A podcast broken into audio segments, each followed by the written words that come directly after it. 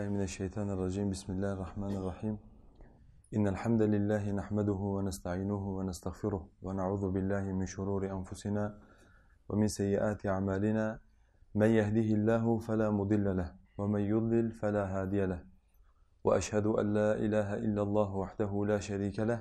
وأشهد أن محمدا عبده ورسوله. أستعيذ بالله.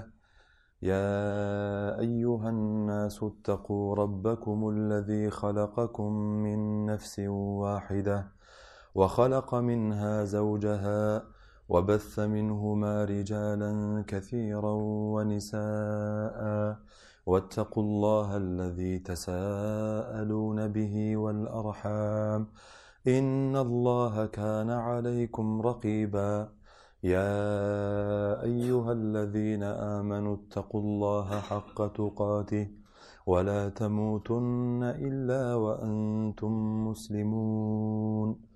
يا أيها الذين آمنوا اتقوا الله وقولوا قولا سديدا يصلح لكم أعمالكم ويغفر لكم ذنوبكم ومن يطع الله ورسوله فقد فاز فوزا عظيما أما بعد فإن أصدق الحديث كتاب الله وخير الهدي هدي محمد وشر الأمور محدثاتها وكل محدثة بدعة وكل بدعة ضلالة Kıymetli kardeşlerim, biliyorsunuz tevhid müdafası derslerini yapmaya devam ediyoruz. Geçen hafta veya ondan bir, bir önceki hafta, iki hafta peş peşe İslam nedir meselesini anlattık. İslam'ın hakiki ve hükmü olmak üzere iki kısma ayrıldığını söyledik. Dedi ki hakiki İslam, kişinin Allah katında Müslüman olması demektir. Yani kişi onu yerine getirdiği zaman kıyamet gününde Müslümanların arasında, Müslümanlar zümresinde haşrolunur. Neydi bu hakiki İslam? Bu hakiki İslam üç kısımdı. Delilleriyle beraber anlattığımız. Birincisi, kişinin Allah'a ibadet edip hiçbir surette Allah'a ortak koşmaması. İkincisi, kişinin Allah'ın dışında ibadet edilen tağutların küfrüne itikad edip onlardan iştinab etmesi.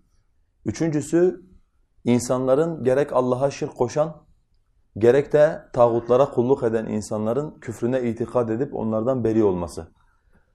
Delilleriyle beraber anlatmış olduğumuz bu üç madde bir kişide yerine gelirse bu kişi Müslümandır. Yani Allah Azze ve Celle'nin katında Müslüman olarak diriltilecektir dedik. Bir de hükmü İslam var dedik. Hükmü İslam nedir? Dünyada biz insanlarla muamele edeceğimiz zaman onlara nasıl İslam'la veyahut da küfürle hükmederiz? Biz dedik ki normalde bu mesele önemli midir? Evet bu mesele çok önemlidir. Çünkü fıkıh dediğimiz İslam'ın muamelat babı hemen hemen her bab bunun üzerine kuruludur. Müslümanın ahkamı ayrıdır, kafirin ahkamı ayrıdır. Allah Azze ve Celle ayet-i kerimede diyor ki اَفَنَجْعَلُ الْمُسْلِم۪ينَ كَالْمُجْرِم۪ينَ مَا لَكُمْ كَيْفَ تَحْكُمُونَ Biz hiç mücrim olan insanları, Müslüman olan insanlar gibi yapar mıyız? Onların hükümlerini, onların varacakları yeri aynı kefeye koyar mıyız? مَا لَكُمْ كَيْفَ تَحْكُمُونَ siz ne biçim hükmediyorsunuz diye. Dünyada insanlara ne ile hükmedeceğini bilmeyen insan Allah'ın rızasına muvaffakat edemez. Allah'ın Müslümana belirlediği ahkamı kafire, kafire belirlemiş olduğu ahkamı da Müslümanlara uygular. Bu şekilde Allah'ın rızasına muhalefet eder. Dedi ki biz bunun için bu mesele çok önemli. Peki nasıl bir insana dünyadayken onun İslam'ına hükmedeceğiz? Dedi ki birincisi yakini bilgiye sahip olmamız. Yani yıllarca beraber olduğumuz veya çok iyi tanıdığımız bir insanın itikadından eminiz. Biliyoruz ki bu Müslümandır veya biliyoruz ki bu müşriktir mesela. Yakini bilgiye dayanarak karşımızdakine hükmetmek. İkincisi bu yok ve bizim karşımızdakine hükmetmemiz lazım. Namaz kılacağız, belki yemek yiyeceğiz, belki kız alıp vereceğiz. Dedi ki İslam alametlerine bakılır. İslam'ın alameti olan alametlerden bir şeyi ızhar eder ise eğer o Müslümandır, içini Allah'a bırakırız, biz zahiren ona İslam e, hükmüyle hükmederiz. Fakat dedik İslam alameti nedir? Bu mesele çok önemli. Yani İslam alameti dedik sabit bir şey değildir. İslam alameti değişkendir.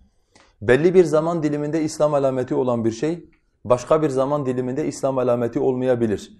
Çünkü İslam alameti Müslümanları kafirlerden ayıran ve sadece Müslümanlara has olan şeylerdir diye Neden böyle bir tanım yaptığımıza dair gerek Peygamberimizin hayatından, gerek sahabenin hayatından, gerek de onlardan sonra gelen imamların hayatından örnekler vermiş oldum. Eğer dedim ki karşımızdakine alametle hükmedecek bir şey kalmazsa geriye tebeiyet ahkamı kalır. Yani ta, buluğa ermemişse anne babasına tabi olaraktan, anne baba Müslümansa o da Müslüman, değilse o da değil. Eğer darül küfürde yaşıyorsa küfür ahkamıyla, darül İslam'da yaşıyorsa İslam ahkamıyla veya tabi olmuş olduğu emire bakarız, peşinden gitmiş olduğu yöneticiye bakarız, bu şekilde hükmederiz diye. Tabi dedi ki bu ne zaman için geçerlidir kardeşler? Bu karşımızdaki insanla alakalı elimizde hiçbir bilginin olmadığı yerlerde geçerlidir. Fakat bizim çağımızda veya bizim asrımızda olduğu gibi insanlar kendi yöneticilerini kendileri seçiyorsa, kendi darlarını, kendi yurtlarını kendileri oluşturuyorsa eğer yerhamukallah onların ahkamı tamamen şeydir. Onların ahkamı tamamen farklıdır diye bunların delillerini de anlattım. Sadece ben başlıkları şu anda özetliyorum. Geçen dersimizde dedim ki kardeşler biz bunları anlatıyoruz elbette. Fakat bunlara yöneltilen bir takım itirazlar var. İnşallah bu dersimizi de o itirazlara ayıracağım. Elimden geldiği kadar bunlara cevap vermeye çalışacağım. Bunlardan birincisi geçen dersimizde de zikretmiş olduğum Üsame bin Zeyd'in hadisidir. Dedi ki İmam Bukhari ile Müslüm şöyle bir kısa naklediyorlar. Allah Resulü bir seriye gönderdi. Bu seriye savaş esnasında Üsame bin Zeyd'in karşısına bir adam çıktı. Tam Üsame onu öldürecekken la ilahe illallah dedi. Buna rağmen Üsame bin Zeyd onu öldürdü. Sahabe geri döndüğü zaman bu durumu peygamberimize anlattılar. Ey Allah'ın Resulü dediler Üsame la ilahe illallah diyen bir adamı öldürdü. Peygamber aleyhissalatu vesselam Üsame'ye dedi ki اَقَتَلْتَهُ بَعْدَ اَنْ قَالَ la ilahe illallah Sen onu la ilahe illallah dedikten sonra mı öldürdün ey Üsame ee, diye. Peki kıyamet gününde o adam la ilahe illallahla gelse sen ne yapacaksın? Üsame dedi ki ey Allah'ın Resulü o İslam olmak için değil. Kılıçtan korktuğu için la ilahe illallah dedi. Peygamber aleyhissalatu vesselam dedi kalbini yarıp baksaydın ya. Yani kılıçtan mı korkmuş? Yoksa gerçekten İslam dinine mi girmek istemiş? Sen bir kalbini açıp baksaydın ya. Üsame diyor ki o kadar fazla peygamber bunu bana tekrar etti ki ben dedim ki keşke ben bugün Müslüman olmuş olsaydım bundan önce Müslüman olmasaydım. Yani Üsame istiyor ki keşke bu olaydan sonra Müslüman olsaydım da bu olay İslam işlemiş olduğum bu günahı ortadan kaldırmış ol, olsaydı diye. Şimdi burada ne diyorlar? Bu kıssadan şunu söylüyorlar. Diyorlar ki bir insan la ilahe illallah dediğinde hangi şartlarda olursa olsun ona Müslüman muamelesi yapılması gerekir. Aksi durumda diyorlar e, Üsame bin Zeyd'in durumuna düşmüş olur insan ve Peygamber aleyhissalatu vesselamın kınamasına muhatap olur diye. Ben de Allah'tan yardım isteyerekten diyorum ki iki şeyi birbirine kıyas edebilmek için ikisinin arasında benzerlik ve ikisinin arasında ortak bir illet olması gerekir. Ne demek bu? Bu şu demek. Yani mesela diyelim ki siz bizim vakamızda yaşamış olduğumuz bu zaman dilimini Üsame bin Zeyd'in yaşamış olduğu zaman dilimine kıyas edebilmeniz için iki toplumun La ilahe illallah'a karşı tavırlarının ve tutumlarının aynı olması gerekir. Şimdi bakın o toplumun La ilahe illallah'a karşı tavırları nasıl? Allah azze ve celle diyor ki وَعَجِبُوا اَنْ جَاءَهُمْ مُنْذِرٌ مِّنْهُمْ وَقَالَ الْكَافِرُونَ هَذَا سَاحِرٌ كَذَّابٌ Onlara bir uyarıcı geldi diye şaşırdılar. Ve o kafirler dediler ki bu sihirbaz ve bu yalancıdır. اَجَعَلَ الْآلِهَةَ اِلَٰهًا وَاحِدًا اِنَّ هَذَا لَشَيْءٌ عُجَابٌ Bu Muhammed ilahları tek bir ilah mı yaptı? Şüphesiz ki bu şaşılası bir şeydir. وَانْطَلَقَ الْمَلَأُ مِنْهُمْ اَنِمْشُوا وَاصْبِرُوا عَلَى آلِهَتِكُمْ اِنَّ هَذَا لَشَيْءٌ يُرَادٌ Onlardan bir topluluk hemen yerlerinden fırladılar ve insanlara şöyle dediler. Çıkın evlerinizden ve ilahlarınızın üzerinde sabredin. Yani Muhammed'inizin Muhammed'in nefyettiği, yoktur dediği ilahlarınıza sahip çıkın. İnne hâzâ leşey'un yurad. Muhakkak ki bu sizlerden istenen bir şeydir. Şimdi bir toplum düşünün ki kardeşlerim, Allah Resulü onlara la ilahe illallah dediği anda hiçbir açıklama ve izah yapmamasına rağmen la ilahe illallah'ın manasını anlamışlar.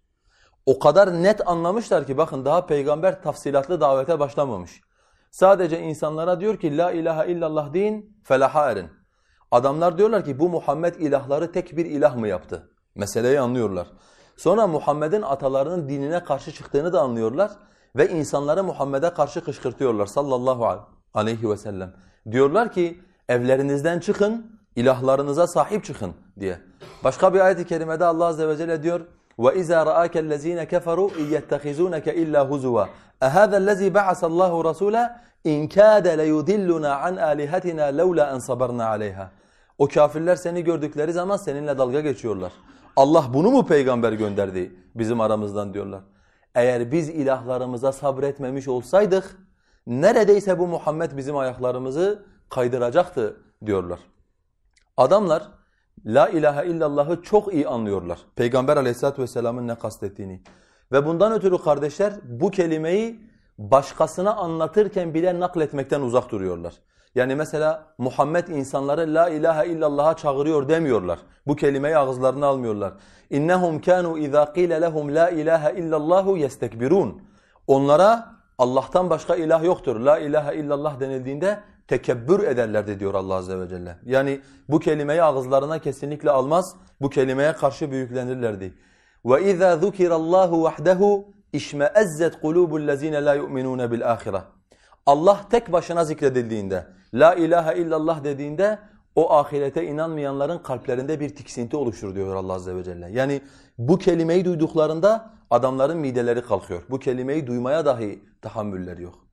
Şimdi böyle bir vasatta yani insanların bu kelimeyi ağzına almaktan dahi tiksindiği bir dönemde adamın biri la ilahe illallah demiş. E elbette bunun İslam'ına hükmedeceksin. Yani zaten toplumun tamamı la ilahe illallah demekten imtina ediyorlar ve bu kelimeden nefret ediyorlar.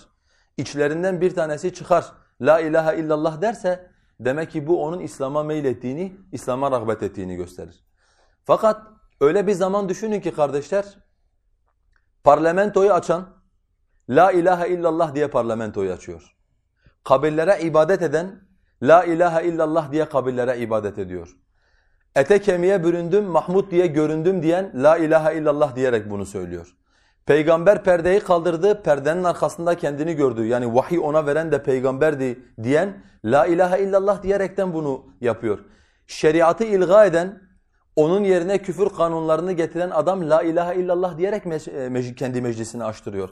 Şimdi böyle bir toplumda zina evi açarken, zinaya ruhsat verirken kurban kesen, Bismillahi Allahu Ekber diyen bir toplumdan bahsediyoruz.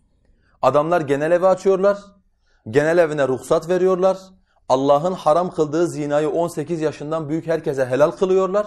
Yani Allah'ın şeriatında mesela zina haramdır. Küçüğü büyüğü fark etmez bu işin. Fakat bunların şeriatında 18 yaşından büyük bir insana içki içmek helaldir ve dilediği gibi içki içer. Ve bunu yaparken kurban kesiyorlar adamlar. Yani Bismillah Allahu Ekber diyorlar kurban kesip zina açılışı yapıyorlar. İçki dükkanı açan, içki yerine ruhsat alan, içkiyi insanlara helal olaraktan 18 yaşından büyük adam içki içebilir e, diyen adam belki bunun ruhsatını verirken belediyede masanın altından günlük virtlerini çekiyor. La ilahe illallah, la ilahe illallah diye adam günde 5000 tane la ilahe illallah çekiyor. Şimdi siz getirip bu iki toplumu birbirine kıyas ederseniz İslam'ı anlamamaktan ziyade akli melekelerinizde problem olduğu anlaşılır. Ha, ne zaman ki bizim bu içinde yaşamış olduğumuz toplum La ilahe illallah'a duyduğunda aynı tepkiyi verse, hiçbir şekilde bu tarz bir hani La ilahe illallah'ı ağzına almasa, işlerinden biri La ilahe illallah dese, biz de o zaman diyeceğiz ki valla bu insan herhalde Müslümandır. Çünkü toplumun üzerinde olmuş olduğu genel akideye muhalefet etmiştir.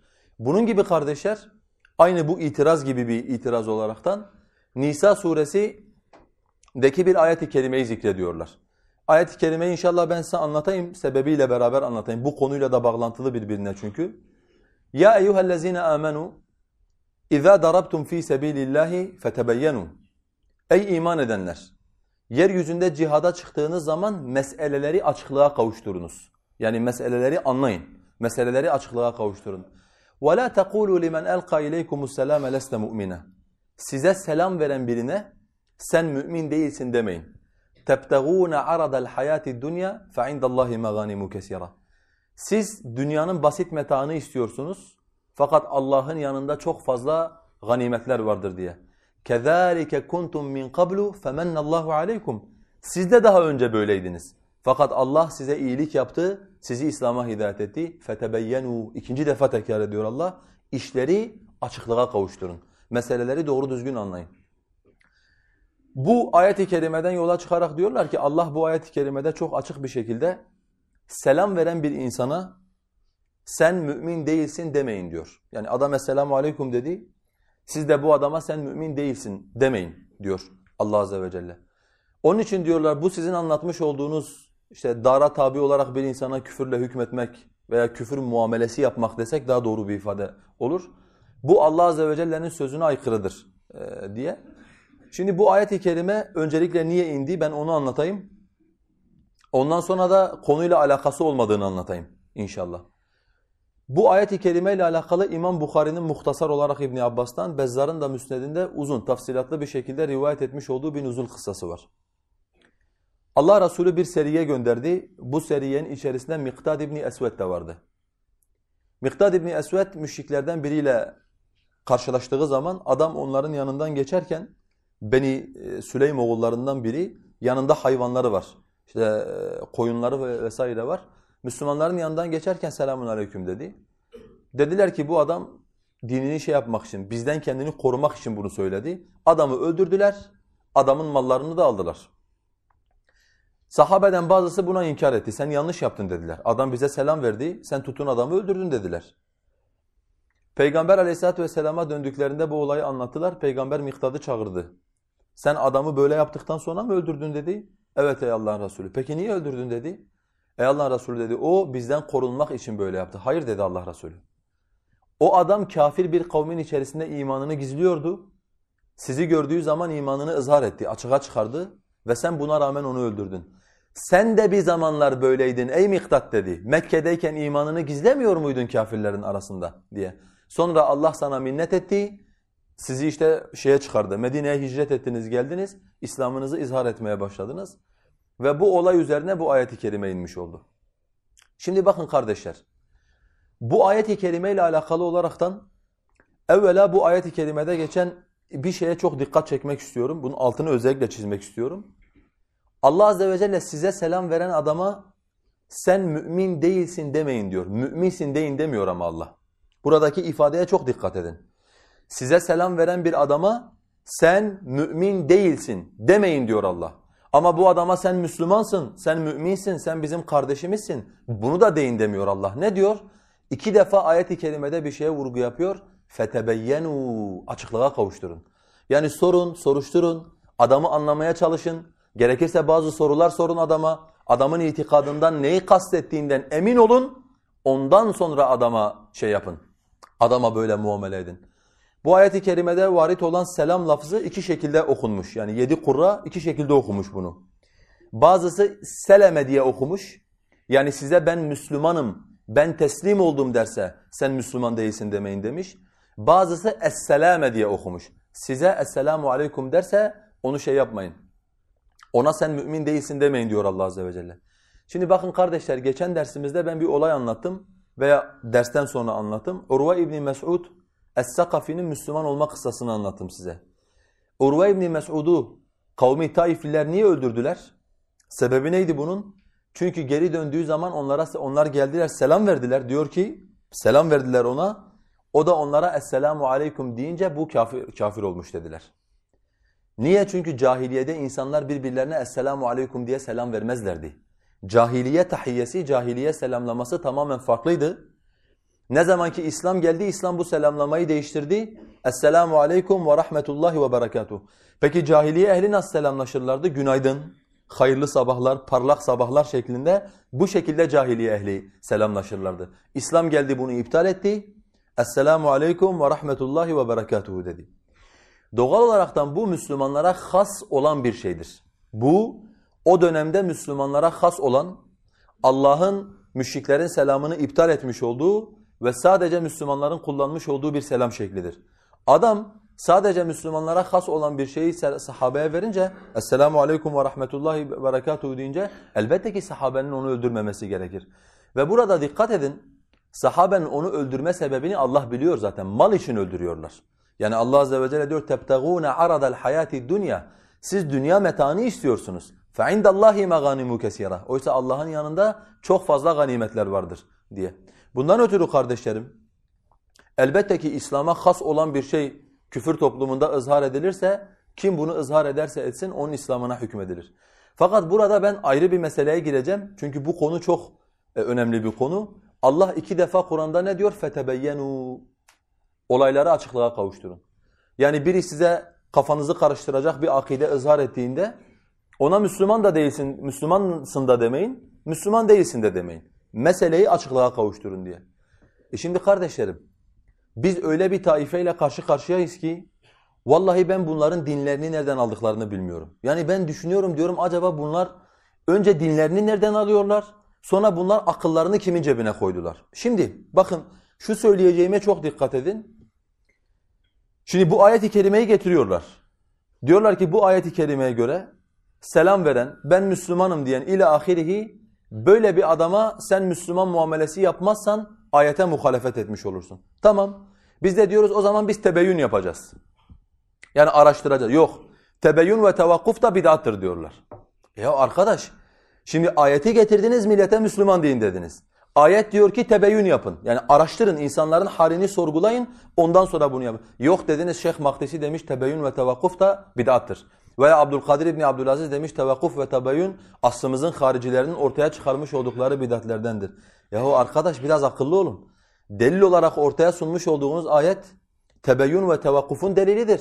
Allah Azze ve Celle böyle emrettikten sonra Mahdisi kimdir, Abdülkadir İbni Abdülaziz kimdir?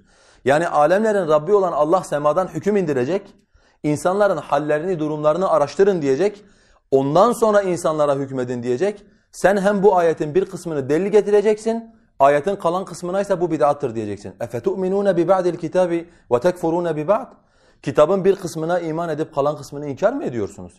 Böyle bir istidlal metodu olabilir mi? Böyle bir istidlal metodu olmaz. İnsanları akidelerinde imtihan etmek asrın haricilerinin ortaya çıkarmış olduğu bir bid'attır. Allah sizi de ortaya çıkarmış olduğunuz bid'atleri de yerin dibine soksun. Allah azze ve celle ayet-i kerimede demiyor mu Müslümanlara? Ya eyyuhellezine amenu Mu'minatu muhaciratun femtahinuhunna Allahu a'lemu bi imanihin fe in alimtumuhunna mu'minat fela terci'uhunna ila'l kuffar. Ayete dikkat edin kardeşler. Ey iman edenler, mümin ve muhacir kadınlar size hicret ettikleri zaman onları imtihan ediniz. Allah onların imanını bilmesine rağmen onları imtihan ediniz. Eğer onların mümin olduklarını bilirseniz onları ondan sonra kafirlere geri çevirmeyin diye. Alemlerin Rabbi olan Allah diyor, mümin kadınlar sana geldiğinde onları imtihan et. Bu adamlar diyorlar insanların akidelerini soruşturmak, insanları imtihan etmek bid'attır e diye. Peki bu ayet indikten sonra Peygamberimiz onları neyde imtihan etti? Kurtubi üç tane rivayet naklediyor. Yani daha doğrusu tefsir kitaplarından nakledilen üç tane maddeyi topluyor. İmtihan üç şey üzerine vakı oldu. Birincisi Abdullah İbni Abbas'ın rivayeti. Abdullah İbni Abbas diyor bu ayet indiğinde Mekke'den kadınlar Medine'ye hicret ettiklerinde Peygamber onlara şöyle yemin ettiriyordu. Allah adına yemin ediyorum ki ben kocamdan nefret ettiğim için veya burada herhangi bir Müslümana aşık olduğum için veya ben toprağımdan sıkıldığım ve yeni bir toprak edinmek için hicret etmedim. Ben sadece Allah'ı ve Resulünü sevdiğim ve İslam'a rağbet ettiğim için hicret ettim diye. Bu şekilde peygamber onlara yemin ettiriyordu. Yemin ettirdikten sonra artık eğer onlar, emin olursa, kalbine yakın gelirse bu sefer onları geri kafirlere çevirmiyordu. Başka bir rivayet İbn Abbas'ın öğrencilerinden gelen peygamber onları diyor tevhid üzerine sorgulardı. Kelime-i şehadeti onlara bir daha söylettirirdi. Kelime-i şehadeti söylediklerinden emin olduktan sonra ondan sonra peygamberimiz onların e, şeyini kabul ederdi hicretini. Üçüncü rivayet Ayşe annemizin rivayeti. Ayşe annemiz de diyor ki Peygamber aleyhissalatu vesselam onlara yine ayet-i kerimede varit olan mümin kadınlar gelip sana biat ettiklerinde şöyle söz versinler diye Allah'a şirk koşmayacaklarına, zina yapmayacaklarına, çocuklarını öldürmeyeceklerine, başka Müslüman kadınlarına iftira etmeyeceklerine ve zina yapmayacaklarına dair sana söz versinler. Peygamberimiz bu beş şeyden onlardan söz alır. Hicret ettiniz ama bunun üzerine bana söz veriyor musunuz derdi. Onlar da evet derlerse eğer Peygamber aleyhissalatu vesselam ondan sonra onların hicretini kabul ederdi.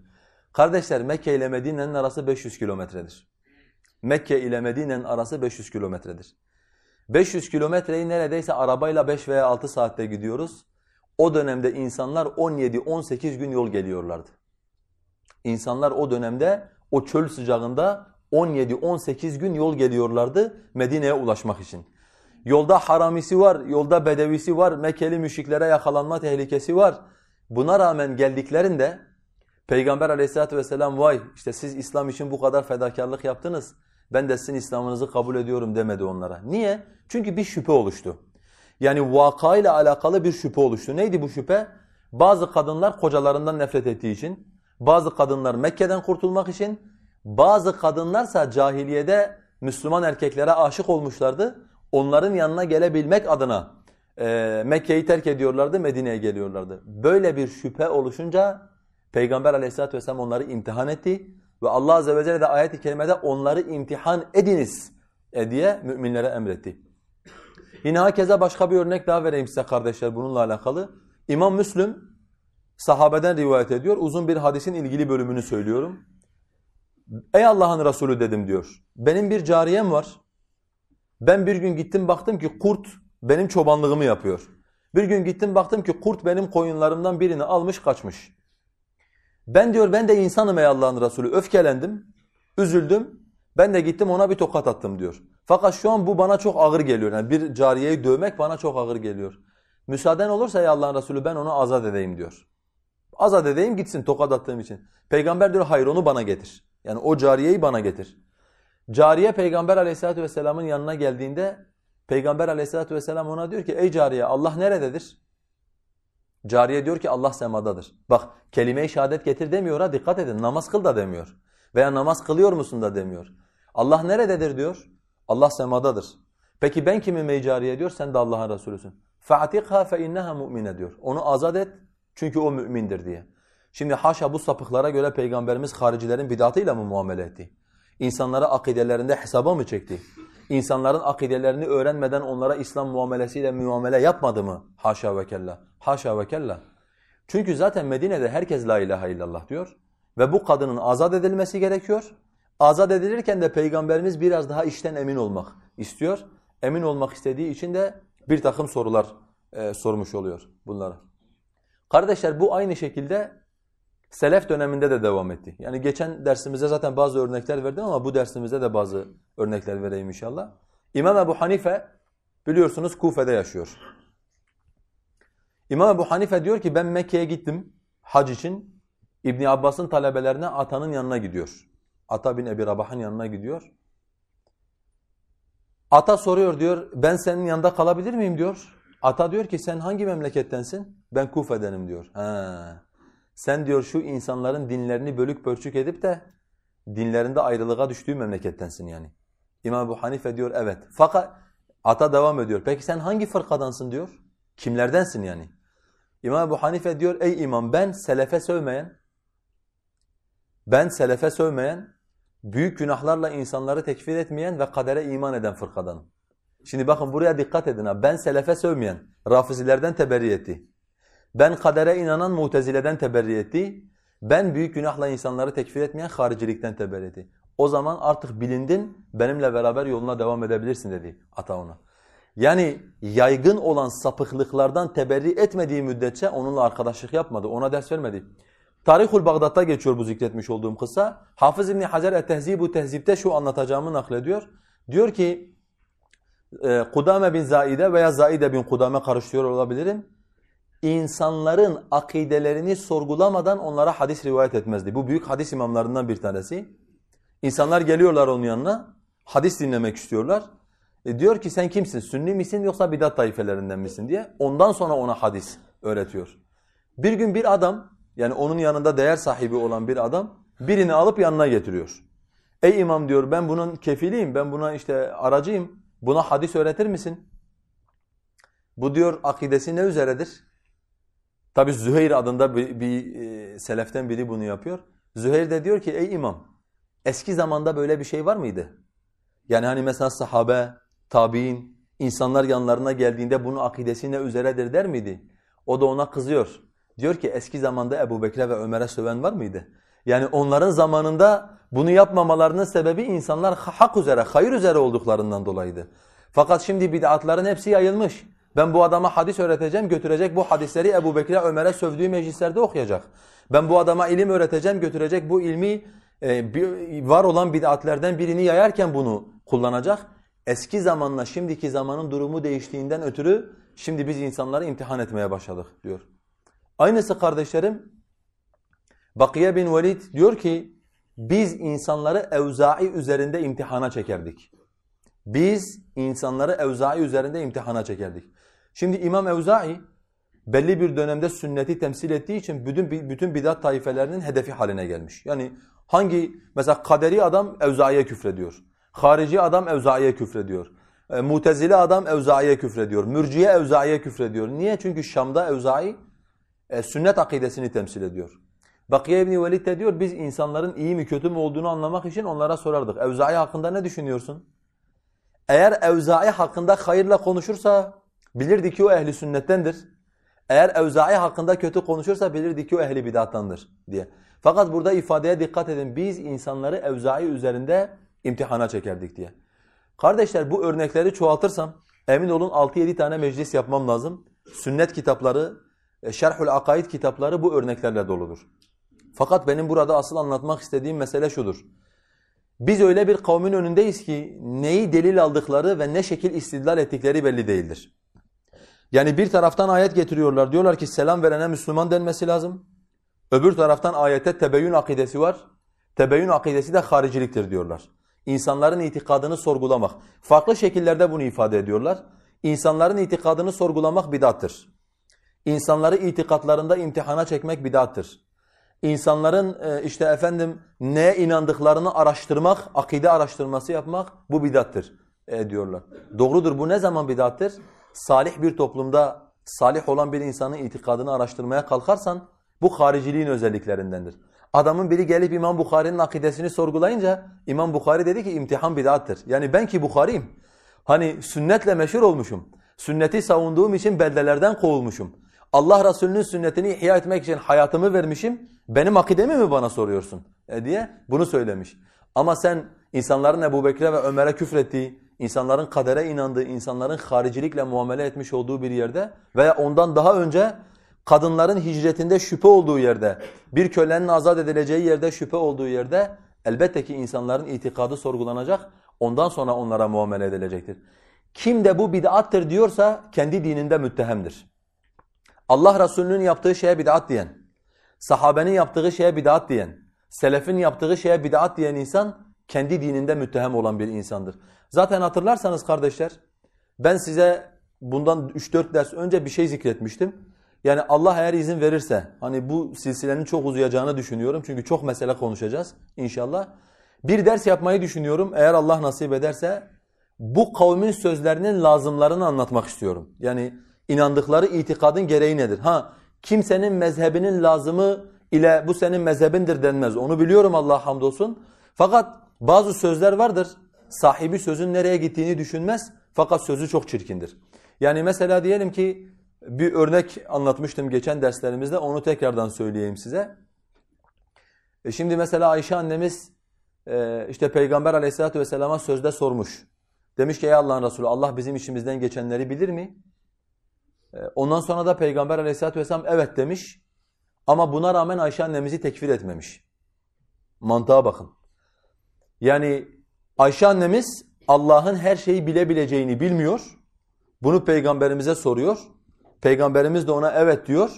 Ondan sonra Ayşe ile tekrardan yatağına yatıp kadın koca gibi birbirlerine sarılıp yatıyorlar. Ya sizde hiç beyin yok mu gerçekten? Yani Allah Resulü karısı küfür sözü söyleyecek ve Allah Resulü karısına tamam karıcığım Allah her şeyi bilir ondan sonra uyuyalım mı diyecek. Yani sizde hiç mi beyin yok? Sizde hiç mi akıl yok? Veya siz nasıl peygamberimizin karısının küfür sözü söyleyebileceğine inanıyorsunuz? Birileri peygamberimizin karısının zina yaptığını söylediklerinde Kur'an'da öyle ayetler indi ki neredeyse yer gök çatlayacak zannetti bazı sahabeler. Allah bu kadar öfkeye geldi.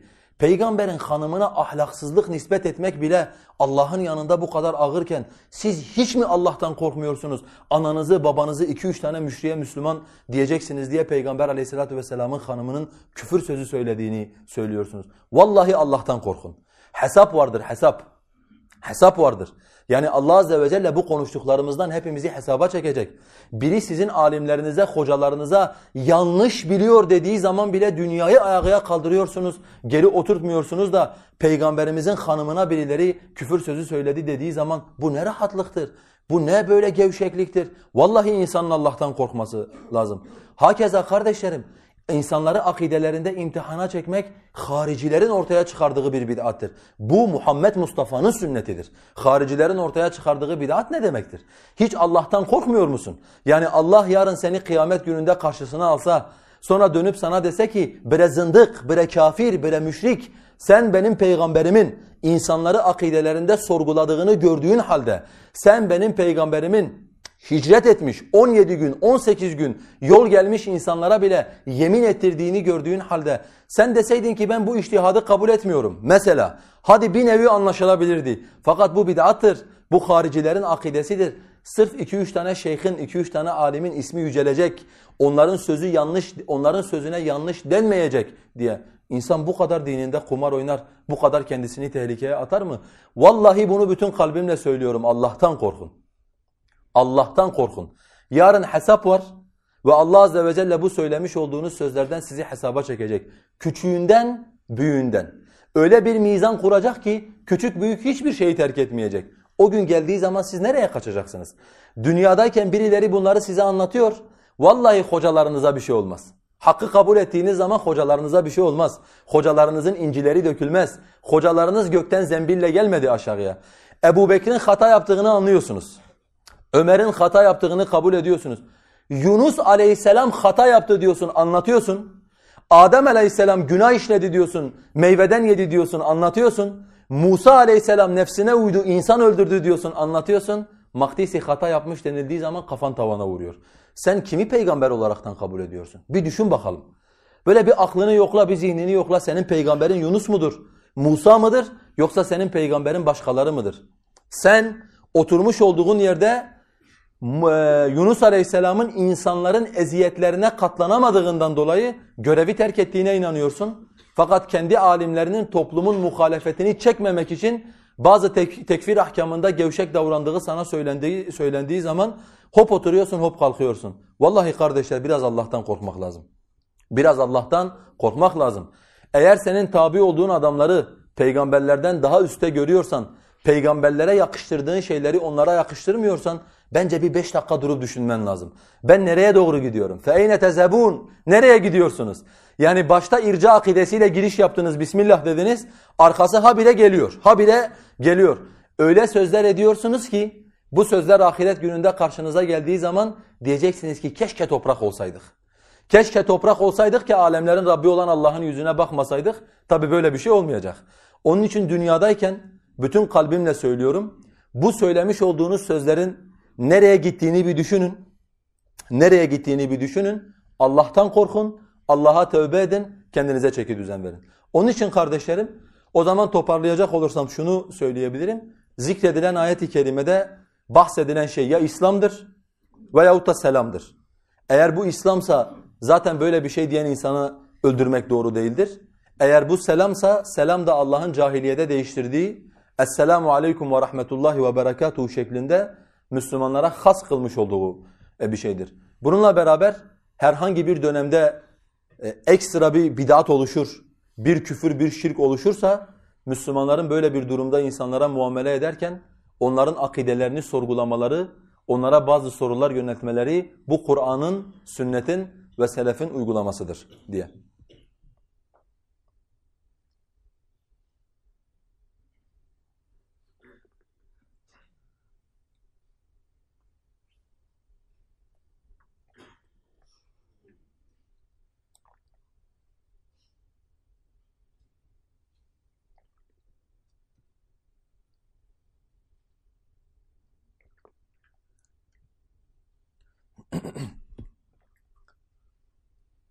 Normalde e, ben genelde derslerimi 40 dakika 45 dakika yapıyordum biliyorsunuz. Fakat bu seri başladı başladı biraz şeyimizi çiğnedik. Bir saat bir saat 10 dakikaya çıkıyor derslerimiz. Sebebi de çünkü kardeşler konular uzun konular. Eğer 40 dakikaya bölersem herhalde 2-3 seneye yayılır biliyorsunuz. Benim de 2-3 sene dışarıda kalma gibi bir şeyim yok yani. Hani ve şu an 6 ayımı doldurdum. Yakındır yani hani bekliyorum zaten. E şimdi bir de e, istiyorum ki bu şeyi bitireyim. Hani öncekinde niyet ettim Allah azze ve celle nasip etmedi. bu sefer inşallah istiyorum ki bazı şeyleri söyleyeyim. Çünkü Müslümanlara zarar gelmesin. İşte efendim e, biraz daha dikkatli olalım diye hani bazı şeylere dikkat ettikçe bazıları azıyorlar, azgınlaşıyorlar. Yani hani Müslümanlar şu şu konuları konuşursak bunun Müslümanlara faydası yoktur. Belki daha fazla kafirlerin işine e, yarayacak diye sukut ettikçe bazıları da zannediyorlar ki e, anlatmış oldukları din, dinin ta kendisidir. Bundan başka hiçbir şey yoktur. E tabi dini 30 risale üzerine kurulmuş, 30 risaleden başka kitaptan haberi olmayan, sadece Hanbeli mezhebini bilen, onun dışında hiçbir şeyden haberi olmayan ve konuştuğu bütün konularda icma nakleden insanlar için bu böyledir. Fakat olaylara etraflıca, farklı delillerin, farklı yaklaşımların olduğunu da bilinmesi lazım. Çünkü kardeşlerim, yani maalesef hani ben İbn Teymiye'den bir şey aktarayım inşallah bu konuyla alakalı size. İbn Teymiye e, Fetavada bir böyle 28. ciltte e, hayızlı kadının tavaf etme meselesini anlatıyor. Yani hayızlı kadın tavaf edebilir mi edemez mi? Tabi uzun uzun anlatıyor meseleyi. Sonra diyor ki şüphesiz ki hüccet, nas, icma ve bu ikisinden çıkandır. Şüphesiz ki hüccet, nas, icma ve bu ikisinden çıkandır. Yani bundan istinbat edilmiş olan delildir. Alimlerin sözü hüccet olmaz. Alimlerin sözünün delilinin zikredilmesi gerekir. Alimlerin sözü kendi başına hüccet değildir diyor. Sonra diyor fakat sadece belli adamların kitapları ve sözleri üzere yetişenler bunlara hüccet ikame etmek çok zordur diyor. Yani hani başka bir şey duymadıkları için hayatlarında adama ne anlatırsan anlat adam anlamıyor yani. Hani sen ne söylersen e, söyle adama yani ben onu bunu bilmem diyor adam. Hani falanca alim demiş ki bu konuda icma var. Filanca alim demiş ki bunun zıddını söyleyenler işte haricilerdir. Bu haricilerin bidatleridirler diye. Tabii ki siz de görüyorsunuz kardeşler. Bir de ben bu konuda niye e, şeyim? Çünkü zamanında kendim de kandırıldığım için. Yani hani şimdi Nasrettin Hoca gelmişler geçmiş olsun geçmiş olsun. Demiş bana eşekten düşen birini getirin. Yani ancak o benim halimden anlar diye. Zamanında biz de kandırıldığımız için hani bazı insanların mücadelesine vesaire güvenip onların söyledikleri muhtemelen doğrudur. Yani hani herhalde adamlar araştırmadan etmeden bir şey söylemezler e, diye işte yavaş yavaş Allah'a hamdolsun kurtuluyoruz. Yani hani uzun bir zamandan beridir Allah azze ve celle bizi bundan e, kurtarmış oluyor diye. Onun için hani biraz bu şeylerimiz uzayabilir, bu derslerimizin süresi uzayabilir. Hakkınızı helal edin inşallah. Birincisi dediğimiz gibi meseleler uzun, ikincisi kavim anlamıyor yani. Hani mecbur biraz uzun anlatmak lazım ki e, mesele anlaşılsın inşallah. Bir başka mesele kardeşler, kısa bir ara vermiş olduk. Bir başka mesele ise, şimdi şöyle bir iddia var. E, ben onu da inşallah zikredeyim. Diyorlar ki, İslam tarihinde bizim içinde yaşamış olduğumuz zaman dilimi gibi çok zaman dilimi oldu.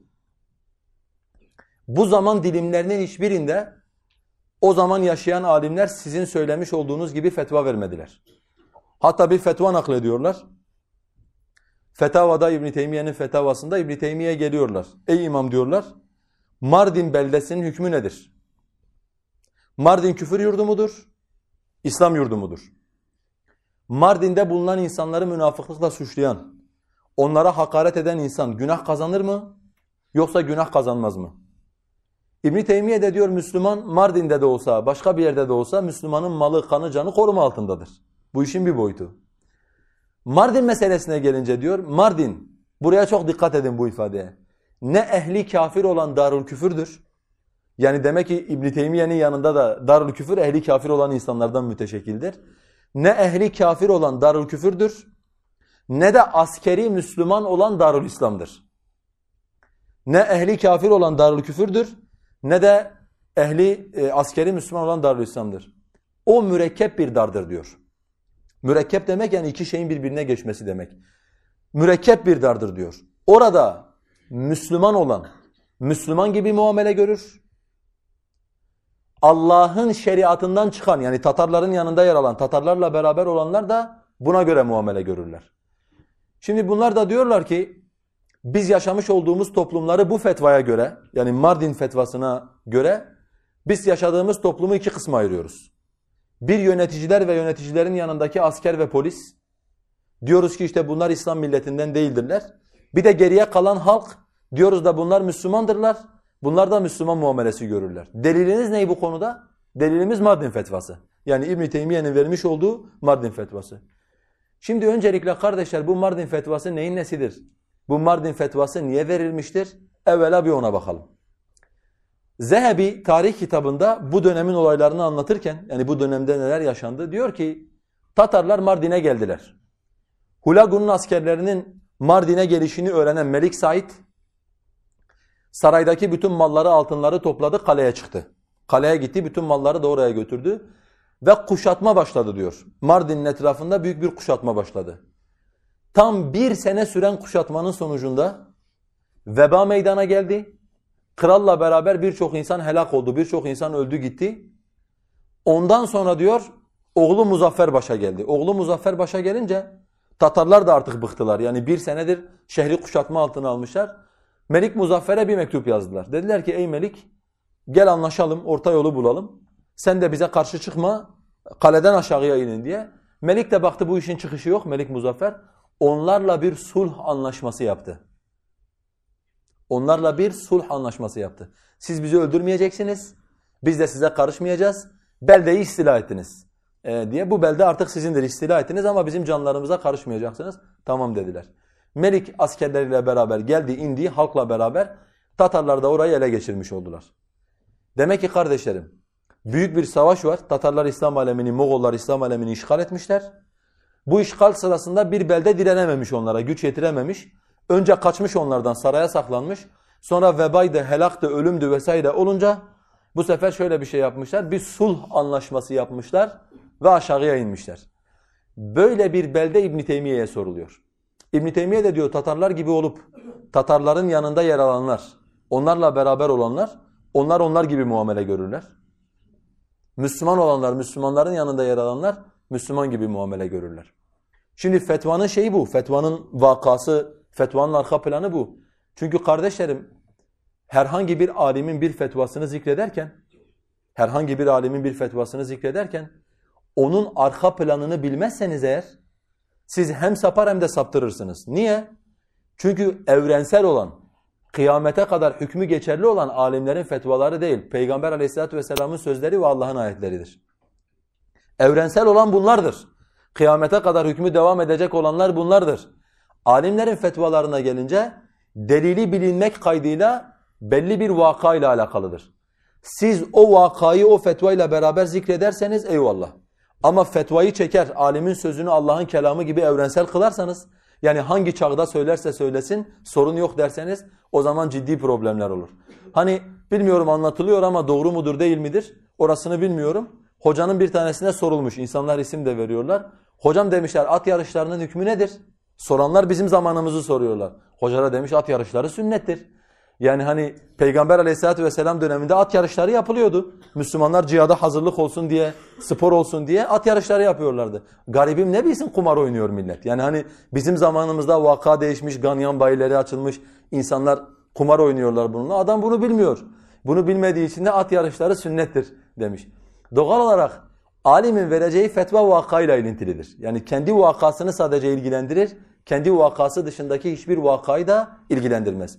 İbn Teymiye'nin vermiş olduğu fetvayı o zaman biz nasıl anlayacağız kardeşlerim? Bir kafir bir beldeyi işgal ederse, o beldeyi işgal ettikten sonra Müslümanların onlara direnecek gücü kalmazsa, bir anlaşma yaparlarsa, Müslümanlar ayrı kendi işlerinde, kafirler ayrı kendi işlerinde birbirlerinden tamamen ayrılabiliyorlar. Kafirler ve onların yanında olanlara, onlar gibi kafir muamelesi yapılır. Müslümanlar ve Müslümanlarla beraber olanlara bu şekilde muamele yapılır. Va şeyin arka planı budur. Fetvanın arka planı budur. Ha bununla beraber Hanbeliler de dahil olmak üzere İbn Teymiye'nin bu iştihadını kabul etmemişler. Yani İbnül Muflih El Adabu Şer'iyye kitabında e, İbn Teymiye'nin bu görüşünü aktarıyor. Diyor ki Darul İslam üzerinde İslam'ın galebesi olan yerdir. Darul Küfür kafirlerin elinde olan ve onların kanunlarının geçmiş olduğu yerdir diyor. İbn Teymiye dedi ki diyor bir de üçüncü bir yurt daha vardır. Mürekkep olan bir yurt. Yani yöneticilerin kafir, toplumun Müslüman olmuş olduğu doğru olan diyor ashabın, kadının ve ashabın zikrettikleridir. Yani bizim mezhebimizdeki ashabın ve kadını zikretmiş oldukları doğru olandır diyor. Hanbeli mezhebinin içerisinde dahi İbn Teymiye'nin bu taksimatı kabul görmüş olan bir taksimat değil. Fakat bununla beraber kardeşlerim şimdi Siz bir fetvayı aldınız diyelim. Fetvanın vakasını da söyledik biz. Getirmiş olduğunuz böyle bir vakaya şey yaptınız, tatbik ettiniz. Şimdi Allah için bu vakada Tatarlarla Tatarlardan olmayanları birbirlerinden ayırmak mümkün mü? Mümkün değil. Şimdi diyoruz ki mesela Tatarların askerleri bu ülkenin askerini kim oluşturuyor? Bu ülkenin askerini halk oluşturuyor. Yani sonuçta mesela Türkiye'nin 700 bin tane askeri varsa bu 700 bin tane asker nereden geldi? Amerikan askerleri geldi buraya. Bizimkiler onlardan ayrı duruyorlar. Amerikan askerlerine ayrı hükmedeceğiz, bizimkilerine ayrı mı hükmedeceğiz? Zaten sen Allah'ın şeriatını iptal eden ve yeni bir anayasa getiren, bu anayasayı koruyan insanlar kimler? Bu halk. Güzel. Peki bu anayasayı yapan, bu anayasayı yürürlüğe koyan veya yürürlükte tutan insanları buraya getiren kim? Oylarıyla bunu yapan da gene halk. Yani halk kendisi oy veriyor. Parlamentoya bir tane hükümet atıyor. O hükümet insanlar adına kanun yapıyor. Şeriattan uzak kalmış e, oluyor. Güzel. Peki diyelim biz yolda bir insan gördük. Allah'a küfrediyor mesela. Gittik adamı dövdük. Adamı dövdüğümüzde adam bizim elimizden alıp bizi kadıya mı götürüyor? Yoksa bizi götürüp mahkemelere mi götürüyor? Yani İslam şeriatından imtina etmiş, İslam şeriatından yüz çevirmiş bir mahkemeye mi yoksa bizi şikayet ediyor? İyi de yani bura, burayla Mardin'in ne alakası var? Küfrü oluşturan halk, küfrü koruyan halk, küfrü atayan halk, bir sıkıntı olduğu zaman o küfrün kanunlarına sizi götüren halk, siz hangi akılla veya hangi delille bu halkı getirip Mardin halkına kıyas etmiş oldunuz? Mardin halkıyla bu halkın arasında hiçbir benzerlik söz konusu değildir. Ne zaman? Mesela buna nereye örnek verebiliriz? Belki bir nebze Afganistan'ın bazı bölgelerini örnek verebiliriz. Örneğin diyelim Afganistan işgal edildi. Amerikalılar geldi Afganistan'ı işgal ettiler. Afganistan'da mesela diyelim ki bir grup insan işte onların boyunduruğu altına girmedi. Kendi imamlarının, kendi kadılarının yanında şeriat hükümlerine göre yaşamaya devam ediyorlar. Mesela sen diyebilirsin Afganistan'da Karzai ve Karzai'ye tabi olanlar yani Amerikalıların yanında yer alanlar kafir hükmündedirler. İşte şu gruplar veya bu grupların yerinde yanında yer alanlar bunlar ise İslam muamelesi görürler diye. Bunu söyle yani bunu söylesen anlarım. Hani mantıklı olmuş olur. Çünkü iki vaka arasında bir benzerlik var. Doğrudur demiyorum ama iki vaka arasında bir benzerlik var bu anlaşılabilir. Fakat sen bunu getirip zikretmiş olduğum gibi küfrü var eden, küfrü koruyan insanlarla Mardin fetvasını birbirine kıyas edersen o olmaz. İbn Teymiye'nin o konu hakkında başka sözleri var. İbn Teymiye diyor ki: "Ve emma men kafaza ila muaskerihim" Kim onların muaskerine girerse, yani onlarla beraber yer alırsa, ister ordunun emirlerinden olsun, ister ordunun askerlerinden olsun, onların şeriattan mürtetlikle hükmedildikleri gibi onlara da o şekilde hükmedilir diye. Bak daha açık bir fetvası varmış da onların yanında yer alanlarla alakalı. İbni Kesir Bidaye'de Tatarlarla yapılan savaşı anlatırken diyor alimler tereddüt ettiler. Dediler ki şimdi biz bunlarla savaşacağız ama bunlar namaz kılıyorlar, la ilahe illallah diyorlar. E, kadıları var, ezan okuyorlar. Biz ne, ne diye bunlarla savaşacağız? Tatarlarla kafir diye mi savaşacağız? Bagi diye mi savaşacağız? Harici diye mi savaşacağız? İbn Teymiye diyor insanları şeye geçirmek için, e, harekete geçirmek için, onları teşvik etmek için dedi ki eğer beni onların arasında görürseniz ve benim kafamda da mushaf olursa, Kur'an'ı da kafamın üstünde görürseniz beni öldürün diye. O bunu söyleyince diyor Allah onların kalplerindeki o şüpheleri götürdü. Ondan sonra Tatarlara karşı tek kelime oldular diye. Bak İbn Teymiye diyor ki beni onların arasında görürsen yani onların arasına katılmışsam, onlarla birbirime karışmışsam benim kafamda şey olsa bile e, Kur'an-ı Kerim olsa bile beni öldürebilirsin diye. Hakeza kardeşlerim Ubeydiler döneminde Ubeydileri biliyorsunuz. Ubeydiler 3 veya 2,5-3 asır İslam topraklarına hükmettiler. Ta Selahaddin Eyyubi gelip onları kaldırıncaya kadar. Ubeydiler kimdir peki? Ubeydiler Fatımi Şiilerdir. Yani batıni akidesine sahip olan, Ali'nin ilah olduğunu iddia eden, Kur'an'ın tahrif olduğunu söyleyen, sahabeyi tekfir eden bir topluluktur bunlar. Ubeydiler Müslümanların bulunmuş olduğu mıntıkaları ele geçirdikleri zaman bunların zaten söylediği şeylerden biri de bu. Ee, hani insan diyorlar ya insan bilmediğini düşmanıdır diye. Bunlar diyorlar e, Ubeydiler kaç asır Müslümanların yönetiminde hükmetti. Alimlerden hiç kimse dedi mi Ubeydiler döneminde yaşayanlar şeydirler. Ubeydiler döneminde yaşayanlar kafirler dediler dediler de sizin haberiniz yok. Yani siz size flu meseleler. Hani siz meseleden haberdar değilsiniz. Yoksa alimler bunu söylediler Allah'ın izniyle. Kadı İyaz Tertibul Medari kitabında o dönemdeki alimlerden şunu naklediyor. Diyor ki İbni Azire'ye soruldu. İbn Azire'ye dediler ki bakın bu ifadeye çok dikkat edin. Sünni bir hatip, sünni bir hatip Ubeydilere imamlık yaparsa ne olur? Askerlik değil ha imamlıktan bahsediyoruz. Sadece imamlık. Adam sünni. Yani adam onların Şii itikadını da kabul etmiyor. Onların yönetiminde resmi bir vazife alacak. O dedi ki onlar hutbeye çıktıkları zaman Allah'ım sen kuluna rahmet et diye dua etmiyorlar mı? Yani Ubeydilerin yöneticilerine hani bizimkiler diyor Allah'ım devletimize milletimize zeval verme diye. Onlar e, şey yapmıyorlar mı? Allah'ım sen kuluna işte merhamet et, salat et diye dua etmiyorlar mı? Ediyorlar dedi. Peki dedi adamın biri hutbeye çıksa, önce peygamberimize salat getirse, ondan sonra da Ebu Cehil'e salat getirse onun hükmü ne olur? E dediler kafir olur. E bu da aynıdır dedi. Yani çıkıp da Ubeydilere e, rahmet okuyan bir imam da bunun da hükmü aynıdır dedi. Aralarında bir fark yoktur. Bakın demek ki kardeşlerim o dönemde bölgelere hükmeden kafir yönetimlerle onların tebası konumunda olan Müslüman halk birbirlerinden ayırt edilebiliyorlar. Yani mesela bir sünninin onların yanında imamlık yapması çok ilginç geliyor insanlara. Hani bu görülmemiş bir şey. Çünkü insanlar gidip onların yanında vazife almıyorlar. Zaten kendi düşmanına hizmet etmek alçaklıktır. Yani bu bizim asrımıza has bir şeydir. Sen hem diyeceksin ki bunlar kafirdir. Hem diyeceksin bunlar tağuttur. Hem diyeceksin bunlar şeriatı kaldırdı ortadan. Hem de gideceksin bunlara hizmet edeceksin. Yani böyle bir akıl zaten normalde bu şeriattan önce aklın kabul etmediği bir şeydir. O dönemde insanlar bölgelerini işgal eden, sahabeye küfreden, Kur'an'ın tahrif edildiğini söyleyen insanların yanında hizmet alır mı? Hizmet yapmaz. Ama o dönemde de dinini dünya karşılığında değiştiren, az bir paha karşılığında cennet nimetlerini satan insanlar gidip onların yanında görev aldılar. Onlara imamlık yaptılar. Ve Kadı İyaz bu minvalde 4-5 tane daha fetva naklediyor. Yani Davudiye soruldu diyor, falana soruldu diyor. Hepsinin vermiş olduğu fetva aynıdır. O kafirdir. Onun o yani mürtettir daha doğrusu. E, ona mürtede icra edilen hükümler icra edilir diye. Demek ki o dönemde alimler insanları birbirlerinden ayırt ediyorlarmış. Onların yanında yer alanlarla onların yanında yer almayanları birbirinden ayırıyorlar. Fakat bugün toplum birbirinden ayrılabilir bir vaziyette değildir. Zaten toplumun böyle bir derdi de yoktur. Yani hani birileri geldi, Allah'ın şeriatını değiştirdi, işte onun yerine batıdan kanunlar getirdiği gibi toplumun zaten böyle bir derdi de yoktur. Mesela siz toplumdan birinin askerlik yaparken ya efendim biz askerlik yapıyoruz. Anayasal düzeni koruyacak bizim oğlan ama yani bunu bir gitseydik bir hocaya sorsaydık acaba bununla alakalı bir fetva var mıdır? Böyle bir şeyi kendine dert eden kimseyi gördünüz mü? Allah için soruyorum size. Böyle bir şey göremezsiniz zaten. Çünkü insanların böyle bir derdi söz konusu değildir. Niye? Din unutulmuş, yeniden bir fetret dönemine girilmiştir. Yani teknik anlamda değil, vaka anlamında yeniden bir fetret dönemine girilmiştir. Evet Kur'an vardır, evet sünnet vardır fakat insanlar bunların hükümlerinden bir haberdirler. Ondan dolayı biz öyle bir yerde yaşıyoruz ki küfrü var eden toplum, toplumu var eden küfür.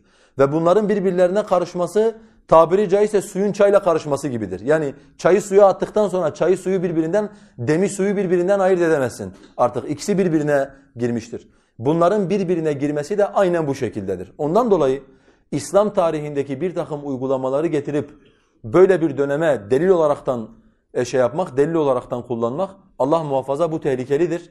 E, alimlerin görüşlerini, arka planlarını anlamadan fetvalarını getirip vakaya şey etmektir. Vakaya hükmetmektir. Evet. Bununla beraber kardeşler son bir şey daha inşallah söyleyeyim. Ondan sonra dersimizi bitirelim. Yine bu tebeiyet ahkamıyla alakalı özellikle konu zikredildiği zaman bazıları e, diyorlar ki el istishabu ahiru medaril fetva. İstishab fetvanın en son merhalesidir. Yani sen e, istishab deliliyle hüküm veremezsin diyorlar. Bu ne demek? Bu şu demek. Yani sen burası küfür beldesidir. Burası küfür beldesi olduğu için de İslam'ı açığa çıkmamış olan insanlar bu beldeye göre hüküm alırlar dersen eğer delillerin en zayıfı olan istishab ile hüküm vermiş olursun diye. Şimdi ben sadece hani bu konunun çok fazla tafsilatına girmeyeceğim inşallah. İstishab nedir vesaire. Sadece istishabın ne olduğunu belki duymamış olan kardeşlerimiz var. Onlar duymuş olsunlar. Bir şeye aslıyla hükmetmek. Yani en aslıyla, en temeliyle bir şeye hükmetmektir. Biz de doğal olarak hani bu toplum küfür toplumudur. Öyleyse bu toplumda da asıl olan küfürdür gibi bir söz söylediğimizde Onlara göre bu istishap olmuş oluyor. Oysa istishap delilin olmadığı yerde bahsedilir. Bizler bu görüşü söylemiş olduğumuz zaman, bu görüşü dillendirdiğimizde bunu istishapla yapmıyoruz kardeşler. Biraz önce zikretmiş olduğum şeyi söylüyoruz. Diyoruz ki onlara, siz bu devletin, bu sistemin kafir olduğuna neyle hükmettiniz? Soru soruyoruz. Bu devletin küfür devleti olduğuna veya bu sistemin diyelim, küfür sistemi olduğuna neyle hükmettiniz? Bize saymış oldukları bütün maddeleri diyoruz. Ha, işte bu maddeleri meydana getiren halktır. Yani bu maddeleri hükümetler yapmıyorlar. Halk bu hükümetleri başa getiriyor. İstemediği zaman da bir diğer seçimde bunları götürüyor. Bunların yerine yeni bir tanesini getiriyor. Sizin kendisiyle sistemi tekfir etmiş olduğunuz bütün maddeler bunlar hepsi halkın ürünüdürler. Öyleyse biz bu halkı istishaptan ötürü değil, Allah'a karşı münkir, Allah'a karşı müşrik bir toplum olduklarından dolayı tekfir ediyoruz. Ondan dolayı bu söz yanlış söz, söylenmiş olan bir sözdür. Ha bu konuda diyorlar ki mesela bu zan ile hükmetmektir. Zan ile hükmetmektir. Ve zanla bu konularda zanla hükmeden insanlar sapıktırlar, aşırıdırlar. Ben şimdi size peygamberlerin neyle hükmettiklerine dair 4-5 tane ayet söyleyeceğim. Artık varın kararı siz verin. Nuh aleyhisselam dedi ki وَقَالَ رَبِّي لَا تَزَرْ عَلَى الْأَرْضِ مِنَ الْكَافِر۪ينَ دَيَّارًا Rabbim yeryüzünde gezen tek bir tane kafir bırakma. اِنَّكَ اِنْ تَزَرْهُمْ يُضِلُّ عِبَادَكَ وَلَا يَلِدُوا اِلَّا فَاجِرًا كَفَّارًا sen bunları serbest bıraksan, helak etmesen diyor Nuh Aleyhisselam, bunlar kafir ve facir olandan başkasını doğurmazlar. Daha doğmamış çocukların kafir olacağına hükmederken Nuh Aleyhisselam zanla mı hükmetti haşa? Sizin usulül fıkıhtan anladığınızı Nuh aleyhisselam Allah'ın kalbine vahiy indirmiş olduğu peygamber anlamadı mı? Bir toplum küfür toplumuysa doğurduğu da öyledir, yaşayanı da öyledir, öleni de öyledir. Nuh aleyhisselam hem akılla hem fıtratla hükmetmiş oldu. E sizin bu söylediğinize göre Nuh aleyhisselam zan ile insanlara hükmetti. Yusuf aleyhisselam hapse girdiği zaman yanına işte iki tane genç geldi. Ona dediler ki biz bir rüya gördük seni de muhsinlerden görüyoruz. Bize bu rüyamızın tevilini anlatır mısın? Yusuf Aleyhisselam onlara dedi ki La ya'tikuma ta'amun turzakanihi illa nebbe'tukuma bi ta'wilihi qabla en ya'tiyakuma. Yani size yemek gelmeden önce mutlaka ben size rüyanızın tevilini anlatacağım. Zalikuma mimma allamani Rabbi. Bu rüya tevili Rabbimin bana öğrettiği bir şeydir. İnni taraktu millete kavmin la yu'minun billahi ve hum bil ahireti hum kafirun. Vettaba'tu millete abai İbrahim ve İshak ve Yakub. Ben Allah'a inanmayan ve ahirete inanmayan bir milleti, bir kavmi terk ettim diyor. E belki işlerinde Müslümanlar vardır. Çocukların henüz Müslüman kafir olduğunu bilmiyoruz. Belki işlerinde Firavun'un kavminde olduğu gibi imanını gizleyen insanlar vardır. Belki Yakup'un şeriatını kabul eden insanlar vardır. Demek ki bir toplumun geneli neyse peygamberler konuştuklarında onunla hükmettiler. Doğru mu? Musa aleyhisselam kavmine dedi ki ey kavmin Müslümanlar iseniz Allah'a tevekkül edin.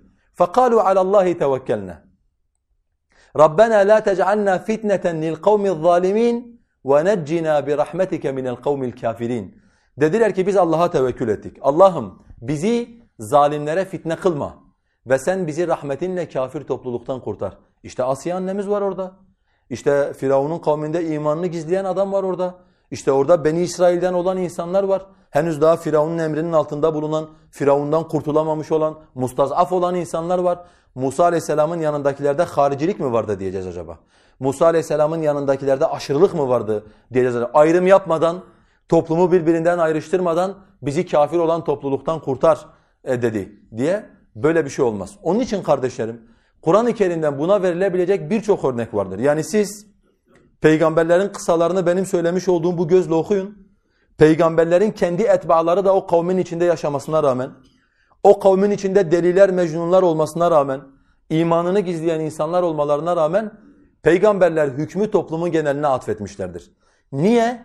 Çünkü bir toplumun geneli neyse hüküm ona göre verilir. Bir toplumun geneli neyse hüküm ona göre verilir. Yoksa şu ayrı bu ayrı diye birbirinden ayrım yapılmaz. Bu bireysel muameleye geldiği zaman söz konusu olabilir. Yani sen o karşındaki şahısla bireysel muamele yapma imkanı bulursun. Bireysel muamele yapma imkanı bulduğunda eğer adamı tanıyorsan mümindir, tanımıyorsan İslam alameti ızhar eder. Kalbinde şüphe olursa peygamberlerin yaptığı gibi imtihan edersin. Akidesiyle ilgili sorular sorarsın böyle. Fakat toplumun geneline gelince toplumdaki yönetim, toplumdaki çoğunluk, toplumdaki asli fikir ve unsur neyse Toplumun ahkamını ona nispet etmek zorundayız. Çünkü bu peygamberlerin söyledikleridir. Ha yok dersen ki bu bazı alimler demiş bu zanla hükmetmektir. Bu aşırılıktır, bu hariciliktir. E, ila ahirihi o zaman zaten işler değişir. Ha burada belki şöyle bir şey söylenebilir. Toplumlar birbirlerinden farklıdır diye. Yani toplumların birbirlerinden farklı olmadıklarını zaten e, biraz önce anlattım. Yani bu toplumlar daha çok müşrik toplumlara benziyorlar. Bir de ayrıyeten zaten bu şirk meselesinin ahkamını anlatırken zaten bu konuyu ayrı bir başlık olaraktan anlatacağım inşallah. Yani bir toplumun müşrik toplum olmasındaki illet Allah'ı ve ahiret gününü inkar etmeleri midir? Yoksa Allah azze ve celle'ye şirk koşmaları mıdır? Ve İslam tarihinden de buna dair bazı örnekler zikredeceğim inşallah. Önce Kur'an'dan ve sünnetten sonra İslam tarihinden bazı örnekler zikredeceğim. Bu dersle alakalı benim anlatacaklarım bunlar. Böylelikle hükmü İslam meselesiyle ilgili e, söyleyebileceklerimizi inşallah anlatmış olduk. Bundan sonra da eğer e, Allah azze ve celle nasip ederse kalan konularımızdan tane tane devam etmeye çalışacağız. Allah azze ve celle'den temennim bizlere hakka hak olarak göstersin, ona itibar eylemeyi nasip eylesin. Batılı da batıl olarak göstersin, ondan iştinab etmeyi bize nasip eylesin. Söz söylerken sözün doğrusuna bizi muvaffak kılsın. Yanlış bir söz söyleyip Allah'ı gazaba getirmekten Allah'a sığınırız. وآخر دعوانا أن الحمد لله رب العالمين.